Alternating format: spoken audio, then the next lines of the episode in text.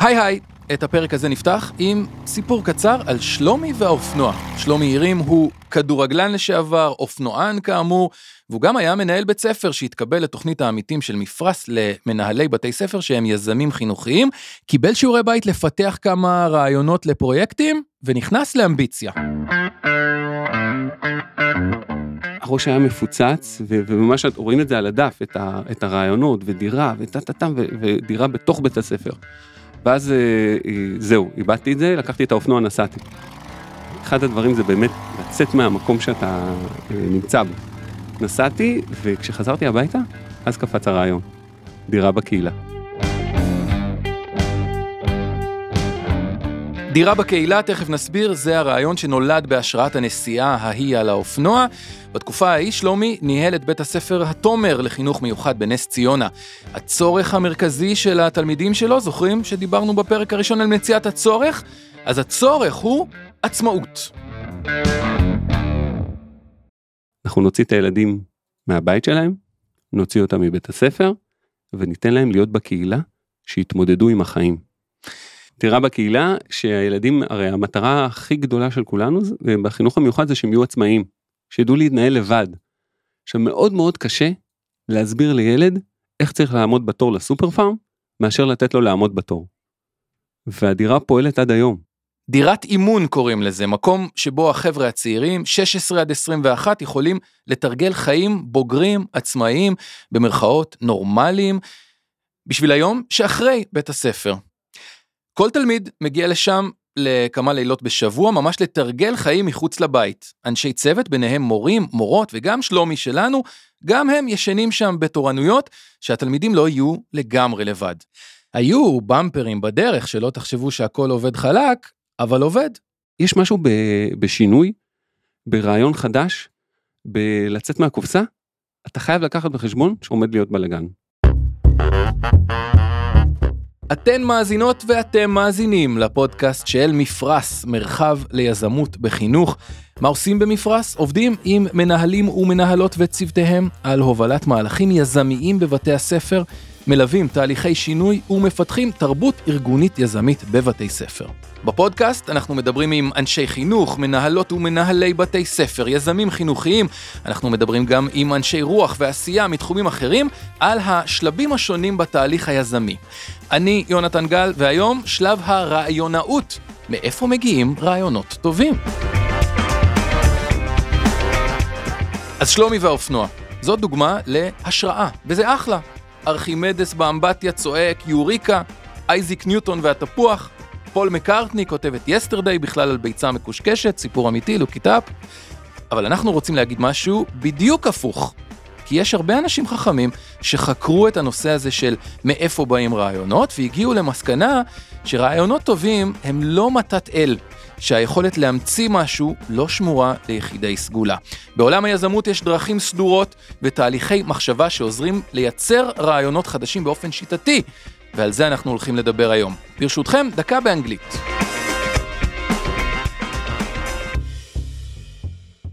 So going back full circle, how do you come up with your ideas? Um, I think what people are really asking when they ask this is, how can I come up with more good ideas? Or like, how do I be more creative? Because there's this, there's this myth, and I like it because it tackles this myth head on that, you know, people are either creative or you're not. It's like it's some gift bestowed from on high. Either you have good ideas or you don't. And that's not true. זה מרק רובר, מתוך הרצאת TEDx שלו על רעיונאות, אפשר לראות אותה בשלמותה ביוטיוב.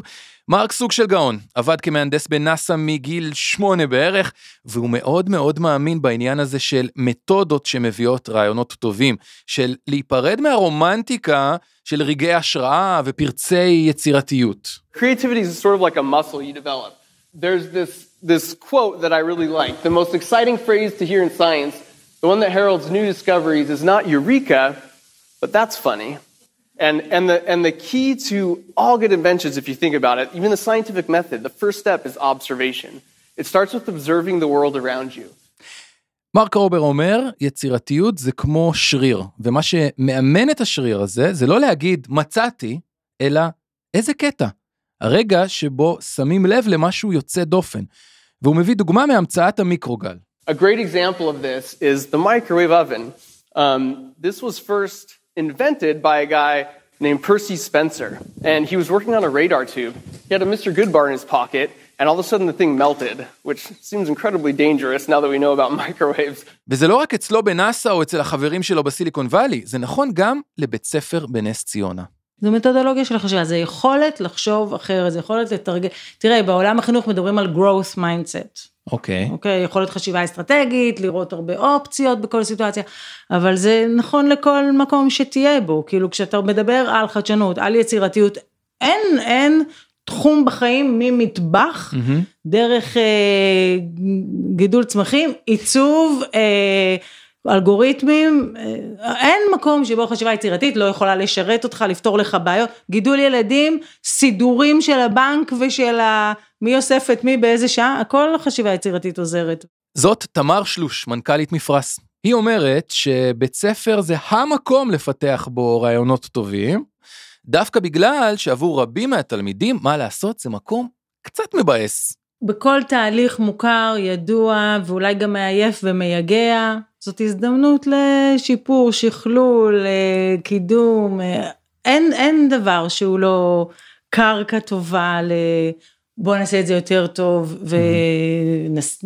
ואז יכולות להיות כל מיני תועלות, אה, יותר יעיל, או יותר משמח, או יותר מלהיב, מסקרן, אתה מדבר על ילדים בבתי ספר, הרי אחת הבעיות הגדולות זה שילדים קבועים, הם לא נרגשים, הם לא שמחים לבוא, ובסך הכל, אם תחשוב על זה, מה, זה שנים של למידה, של חשיפה, של להכיר דברים, למה שהם יהיו משמימות? הן יכולות להיות מדהימות.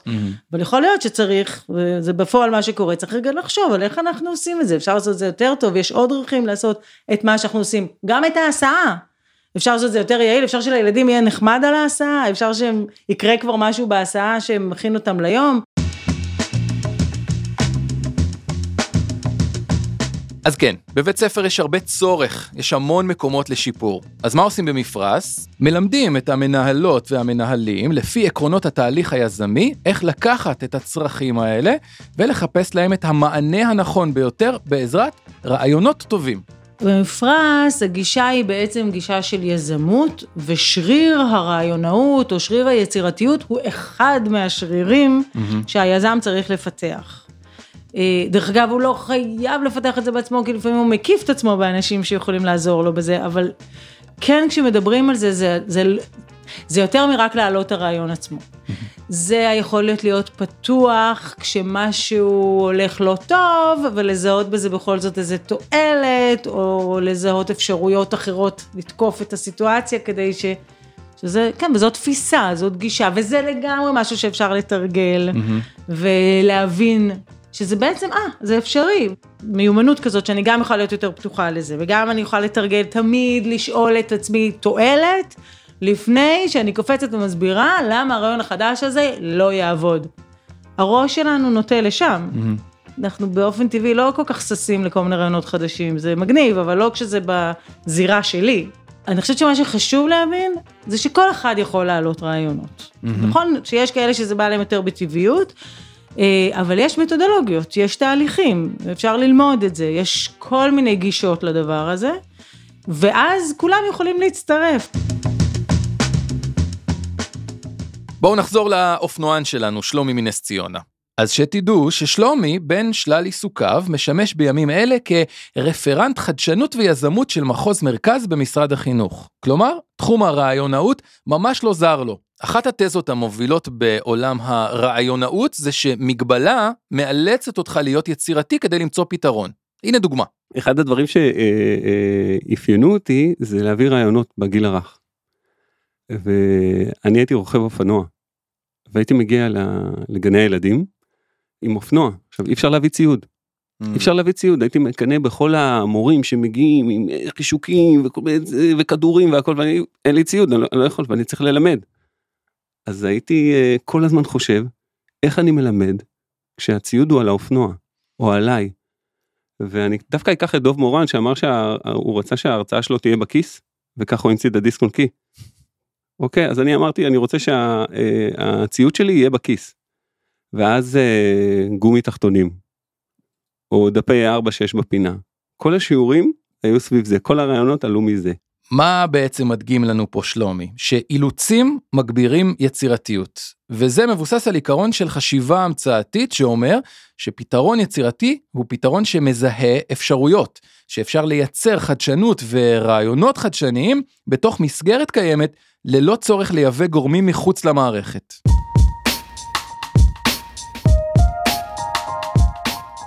יצירתיות אגב נדרשת מאיתנו בכל מיני מקומות. לפני שהיה מנהל בית ספר, לפני שהיה מורה לחינוך גופני, שלומי שיחק קשר במדי סקציה נס ציונה המיתולוגית. הגיע אפילו עד ליגת העל, עירוני אשדוד. שם שיתף פעולה עם אגדות כדורגל כמו יגאל זריאן ואמיר תורג'מן. שלושה אנשים שמקשיבים לנו עכשיו מאוד מתרגשים מהניים דרופ הזה. בשביל שלומי, מגרש הכדורגל היה המקום שבו הוא פיתח את היצירתיות שלו. כי כשאתה רץ על הדשא עם כדור, בעוד ש-11 משוגעים רודפים אחריך, זו וואחד מגבלה. אין סיטואציה שחוזרת על עצמה בתוך המשחק, זה כל הזמן משתנה. זה כל הזמן משתנה, יש אי ודאות, אתה לא יודע מאיפה פתאום יבוא השחקן. אתה צריך להיות מאוד מאוד מוכן, גם מבחינת הגוף שלך. אתה צריך כל הזמן לצפות מראש. לפני שאתה מקבל כדור, איך אתה מעביר את הכדור למישהו אחר שאתה יודע שהמישהו אחר שם.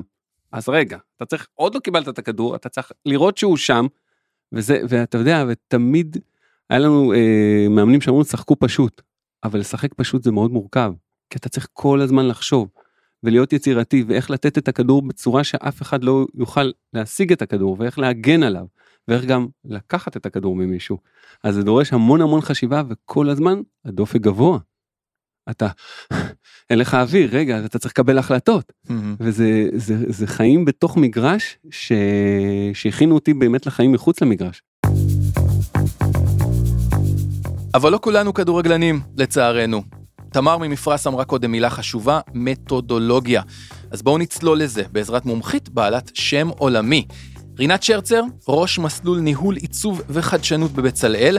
רינת היא בי פאר הבן אדם הכי מרשים שיצא לי לראיין, מהנדסת ביוטכנולוגיה בינתחומית שמלמדת גם בפרסונס בניו יורק. יעצה לחברות הכי גדולות בעולם ונעמה בפאקינג או"ם, אוקיי? אז כשהיא מדברת על רעיונות, שווה להקשיב. ומה שהיא אומרת זה, שנייה רגע, אל תרוצו לרעיונות, תתחילו שלב אחד קודם. קודם כל רעיונות טובים מבחינתי זה פחות אה, בלנסות להגיע לרעיון טוב, זה יותר בלנסות לשאול את השאלות הנכונות שמביאות לרעיונות טובים. Mm. אה, אז זה באמת איזשהו תהליך כזה של איזה שאלה אני שואלת את עצמי כדי לפתוח לעצמי את הראש ולקבל תשובות אחרות ממה שהייתי חושבת בדרך כלל. ולשאול את עצמי שאלות שהן מספיק מעניינות את, את המוח שלי כדי שהוא פתאום יסתכל מזוויות שונות על אותם אה, סיטואציות. אוקיי, okay. ולזה יש איזה מתוד, יש איזה מין פטנט של איך עושים את זה, איך אני יודע מה השאלות הנכונות, או... אה, אז אה, אתה יודע, אתה יכול להמציא לעצמך כל מיני פרומפטים, אתה יודע, יש לנו כזה... אה, איך היית פותר את הבעיה הזאת אם היה לך רק דולר אחד איך היית פותר את הבעיה אם היה לך אינסוף כסף? איך אה, אופרה ווינפרי הייתה פותר את הבעיה הזאת? זה אותו דבר כמו אינסוף כסף. כן, לא, אבל יש לה איזושהי צורת חשיבה מסוימת, אתה יודע, אוקיי. או איך אה, גנדי היה פותר את זה, יש לו איזה אג'נדה מאוד מסוימת. יש את המשפט המפורסם שאומר ש-constraints enhance creativity, ככל שיש לך יותר מגבלות אתה יותר יצירתי בעצם, יש לך איזה מגרש משחקים מסוים לשחק בו וככה אתה יכול להתפרע בתוך המגרש, אם האפשרויות הן אינסופיות. כן. אז אה, איפה אתה מתחיל ואיפה אתה נגמר ואיפה בעצם אתה משחק ומה המשחק בכלל. רינת התפרסמה בעולם בין היתר בזכות פרויקט שלה שנקרא What would the egg do? מה הביצית הייתה עושה? תוכנית רב-תחומית מיוחדת שמחפשת פתרונות לכל מיני בעיות בעולם המודרני ולוקחת השראה ממחזור הביצית. כל הקטע של רינת זה פתרונות בהשראת הטבע, ביומימיקרי קוראים לזה. איך אפשר לחקות תופעות מהטבע כדי לפתור בעיות אנושיות? נגיד ה bullet train ביפן. אוקיי. אמ, אחד הבעיות הכי רציניות שהיו איתה כשתכננו אותה זה בגלל שהיא כל כך מהירה. כן. אה, היו כאלה sound booms כאלה. אוקיי. ואז אמרו מה איך אנחנו פותרים את ה sound booms האלה מה אנחנו עושים ואז הסתכלו על ציפורים בטבע הסתכלו על השלדג וראו שהשלדג יכול להיכנס לתוך המים במהירות מאוד מאוד מהירה. בלי לייצר זעזוע במים ולהוציא את הטרף שהוא חיפש כן. ולצאת חזרה וזה. בהשראת הקינגפישר בעצם יצרו אה, חידוד לקטר. שמו לה מקור. שמו, שמו לה מקור בדיוק. וואו. ומה שיפה בפתרונות מהטבע תמיד זה, זה לא רק שאתה מצליח להגיע למטרה זה תמיד יש איזשהו ווין ווין ווין כאילו זה לא רק ש...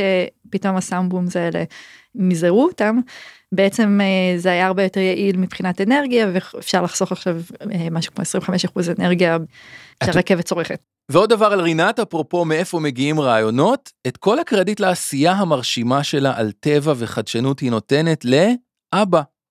הוא מהנדס כימי במקצועו, אוקיי. אה, אבל הוא כזה ממציאן גאון כזה, זה כל היום שלו הוא כזה חושב על כל מיני דברים אה, מאוד לא שגרתיים איך אה, איך לפתור אותם. הייתה לו סדנה? היה לו איזה מקום שהוא היה, שהוא היה מפרק דברים? כן, הסדנה שלו זה היה אני חושבת במגרש גולף, שם שם היה לו את רגע היוריקה שלו, וואלה. בזמן שהוא שיחק גולף. מה- מה זה היה? הוא פה, לא בסדר אנחנו. מסתעפים פה, אה, אז הוא בעצם המציא איזה שהוא כליה חיצונית שבעצם מאפשרת לטפל במים בסקיילים מאוד גבוהים, מי תעשייה, אה, ולמחזר אותם ללא בדרך כלל מה שעושים זה משתמשים בכימיקלים.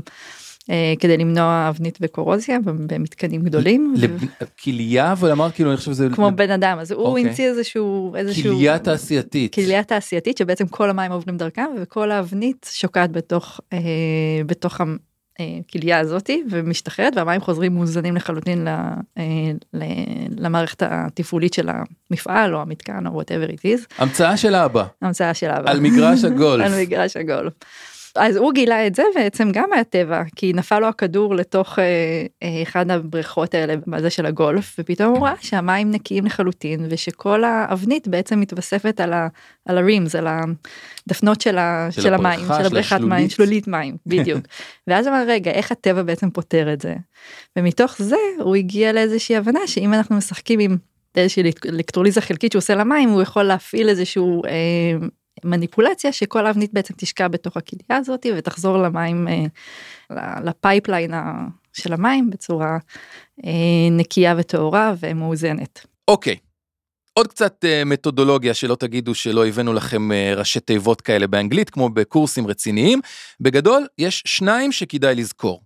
אז יש את מתודולוגיית SIT, Systematic Inventive Thinking, חשיבה אוקיי. המצאתית שיטתית, אה, שבעצם מבוססת על מחקרים, מזהה תבניות משותפות להמצאות שכבר קיימות בעולם, וברגע שזוהו התבניות האלה, הפכו אותם לכלי חשיבה. שאפשר בעצם אה, ללמוד אותם ולהפעיל אותם בצורה פרואקטיבית על סיטואציה. וזה בדיוק יושב על המתח הזה, כן. שבין כן יש לי כלים ומתודולוגיה ותהליך, וכן זה מאפשר לי לשבור את הקיים ולהעיף אותי למקומות חדשים. הבלנס הזה נורא עוזר, כי אחרת להיכנס לארגונים מאוד מאוד מובנים, אוקיי. ולהתפרע איתם, כן. זה קשה לעכל את זה. גם אנשים אה, שמורגלים בחשיבה מאוד מתודולוגית, כן. אז הם גם יכולים להצטרף למסע היצירתי הזה, וזה יותר נוח כשיש צעדים שלוקחים אותך, ובתוכם יש את ה... וואלה. אה, זה בא מפסיכולוגיה ארגונית, זה כאילו, בא זה בא מ... מ... זה בא ממש מעולם הפטנטים והחשיבה. אז זה הכלי הראשון, רעיונאות במתודת SIT, מוצאים תבניות שעובדות ואז מנסים ליישם אותן על כל דבר. את השני אתם מכירים מפרק קודם, דיברנו על זה בהקשר של חשיבה אמפתית. עכשיו, יש את העולם של design thinking, אוקיי? למשל, שזה עולם שמאוד מתבסס על בוא נבין אה, בצורה אמפתית את הצורך ואת נקודת המבט ואת החוויה של לקוח שלנו לצורך העניין. וכאן, ככל שהם מבינים אותם יותר טוב וחווים את החוויה מהצד שלהם, אנחנו כמומחי התוכן יכולים להבין איך, איזה פתרון אחר אנחנו יכולים לתת להם. עכשיו, שתי המתודולוגיות האלה, דרך אגב, מתלבשות נורא יפה ביחד. כי המת- המתודולוגיה שרואה את, ה, את, את החוויית הלקוח, לא בהכרח ת, תיתן לך את הרעיון. והמתודולוגיה הזו, של SIT כאילו תיתן את הרעיון, ואז אתה צריך להתאים אותו לצורך או לתועלת חדשה. יכולה לייצר בכלל תועלת חדשה שלא חשבת עליה קודם. אז איך זה נראה בשטח, בבית הספר? בואו נדבר תכלס, אחד הכלים הכי אפקטיביים מבוסס על עקרון האקראיות. רנדום, האקראיות, עקרון האקראיות זה אחד העקרונות היפהפיים של רעיונאות. תמר מספרת לנו על פעילות שנעשתה במסגרת מפרש, בניסיון למצוא פתרונות יצירתיים הם החליטו להשתמש בדבר הכי אקראי שיש, הטלת קובייה. אמרנו, חילקנו את זה לשלושה חלקים. יש איזושהי מיומנויות, מיומנות שאנחנו רוצים לתת לילדים או לתלמידים או לאנשי צוות. אוקיי. אה, יש לנו האנשים שאותם אנחנו רוצים לתת את אותה מיומנות עבורם, זאת אומרת ילדים, ילדים בגיל מסוים, אנשי צוות, אוקיי? וסביבות, מקומות בתוך בית הספר שבהם משהו, או סביב בית הספר, בהם משהו יכול להתרחש. עכשיו רצינו להעלות רעיונות חדשים, מה עשינו? הטלנו קוביות, ויצרנו קומבינציות חדשות. קהל מטרה, ילדים או צוות, מיומנות, אה, אמפתיה או יכולת אה, להציג אה, מול קהל, ומקום, מתנס, חצר, אולם. כאילו ממש מה, היו שלושה כובעים עם פתקים, וזה לקחת אחד מכל אחד כן. ולחבר. קצת אחרת, זה היה קוביות, אבל כן, אוקיי. אותו דבר. רנדום.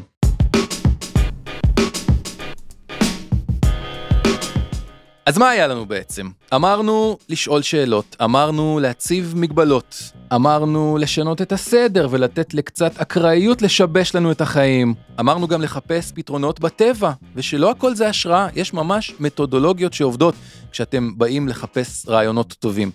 ואמרנו בגדול, תשתחררו קצת, צאו מהשטאנץ. בשלוש מילים אומרת רינת שרצר, shake it up. להיות מסוגל כל הזמן להסתכל על דברים מזוויות שונות, מפרספקטיבות שונות, דרך לנסים שונים, כדי להגיע לרעיונות חדשים.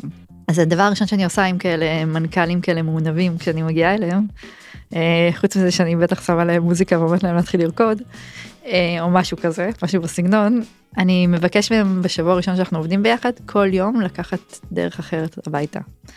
אה, ואני לא, אל תעשו כלום, אל תנסו להיות יותר יצירתיים, אל תנסו להבחין ביותר דברים, פשוט תלכו בדרך אחרת הביתה, ועצם זה שאנחנו מקבלים סטימולציה שונה ואנחנו רואים דברים שונים, גם אם אנחנו ערניים לזה או לא ערניים לזה, חיבורים חדשים מתחילים אה, להתחבר במוח.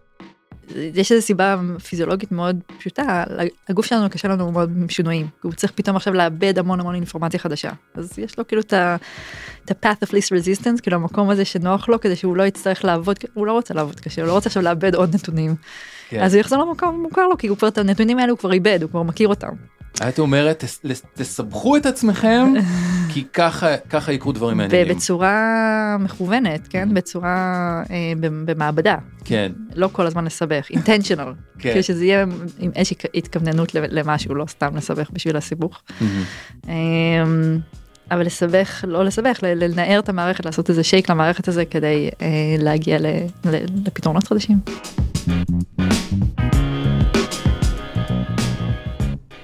לפני סיום, בחזרה רגע לשלומי והרעיון המעולה שלו, דירה בקהילה, דירת אימון. זוכרים שתמר לימדה אותנו שתהליך חשיבה יצירתית בהכרח ימצא לנו כל מיני תועלות חדשות, אפילו כאלה שלא חשבנו עליהן. לא תאמינו איזו תועלת צמחה מפרויקט הדירה. ההורים של הילדים גילו את עצמם מחדש, סליחה, במיטה.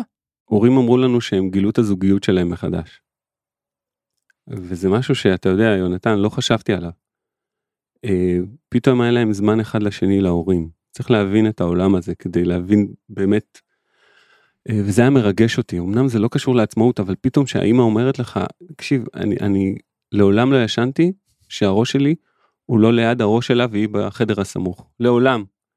ומה שהיה הכי מרגש ההצלחה, זה שוואלה, היא יכולה לבד. לא קרה כלום. היא ישנה מחוץ לבית והכל בסדר.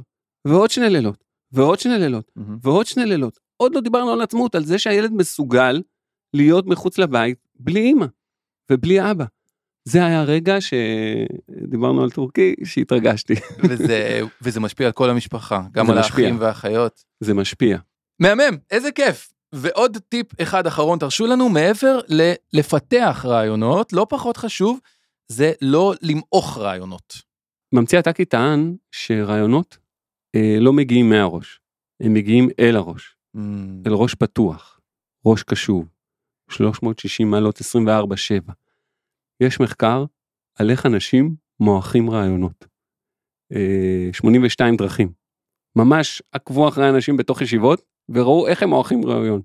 לדוגמה, מישהו מעלה רעיון, זה לא שייך לנושא, כן, זה לא כלול בתקציב שלנו. מה אחתם? ואז הבן אדם... וזה יורד קורה- וכבר פעם שנייה הוא כבר יחשוב פעמיים לפני שהוא מעלה את הרעיון. בדיוק, אז צריך מאוד מאוד לשים לב לזה. לעומת זאת, יש המון דרכים להגדלת רעיון, לשינוי רעיון, וזה יפה. משהו שאני מאוד מאוד אוהב.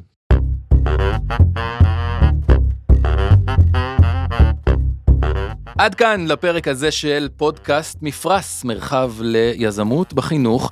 תוכלו להאזין לכל הפרקים ב Spotify, ב Apple Podcast ובכל מקום שבו יש הסכתים.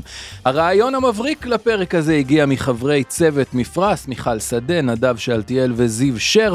רעיונות טובים היו גם לשי קלוט שהפיקה ודור קומט שערך. שניהם, כמוני, משם הפודקאסטים ויצירות סאונד. נגיד תודה גם לרינת שרצר, למנכ"לית מפרש תמר שלוש, וכמובן לשלומי עירים ולכל צוות התומר בנס ציונה, שאגב זכו בפרס החינוך המחוזי. אם משהו פה מעניין אתכם, מסקרן אתכם, אם יש לכם שאלות, כנסו לאתר של מפרס או לעמוד הפייסבוק, שם תמצאו עוד לינקים וחיבורים מעניינים בעולם היזמות בחינוך. סיכוי מצוין שתפגשו שם גם מישהו שישמח לעזור לכם לגלות את עצמכם כיזמות ויזמים בעולם החינוך. תודה שהפלגתם מפרס, נתראה בגל הבא.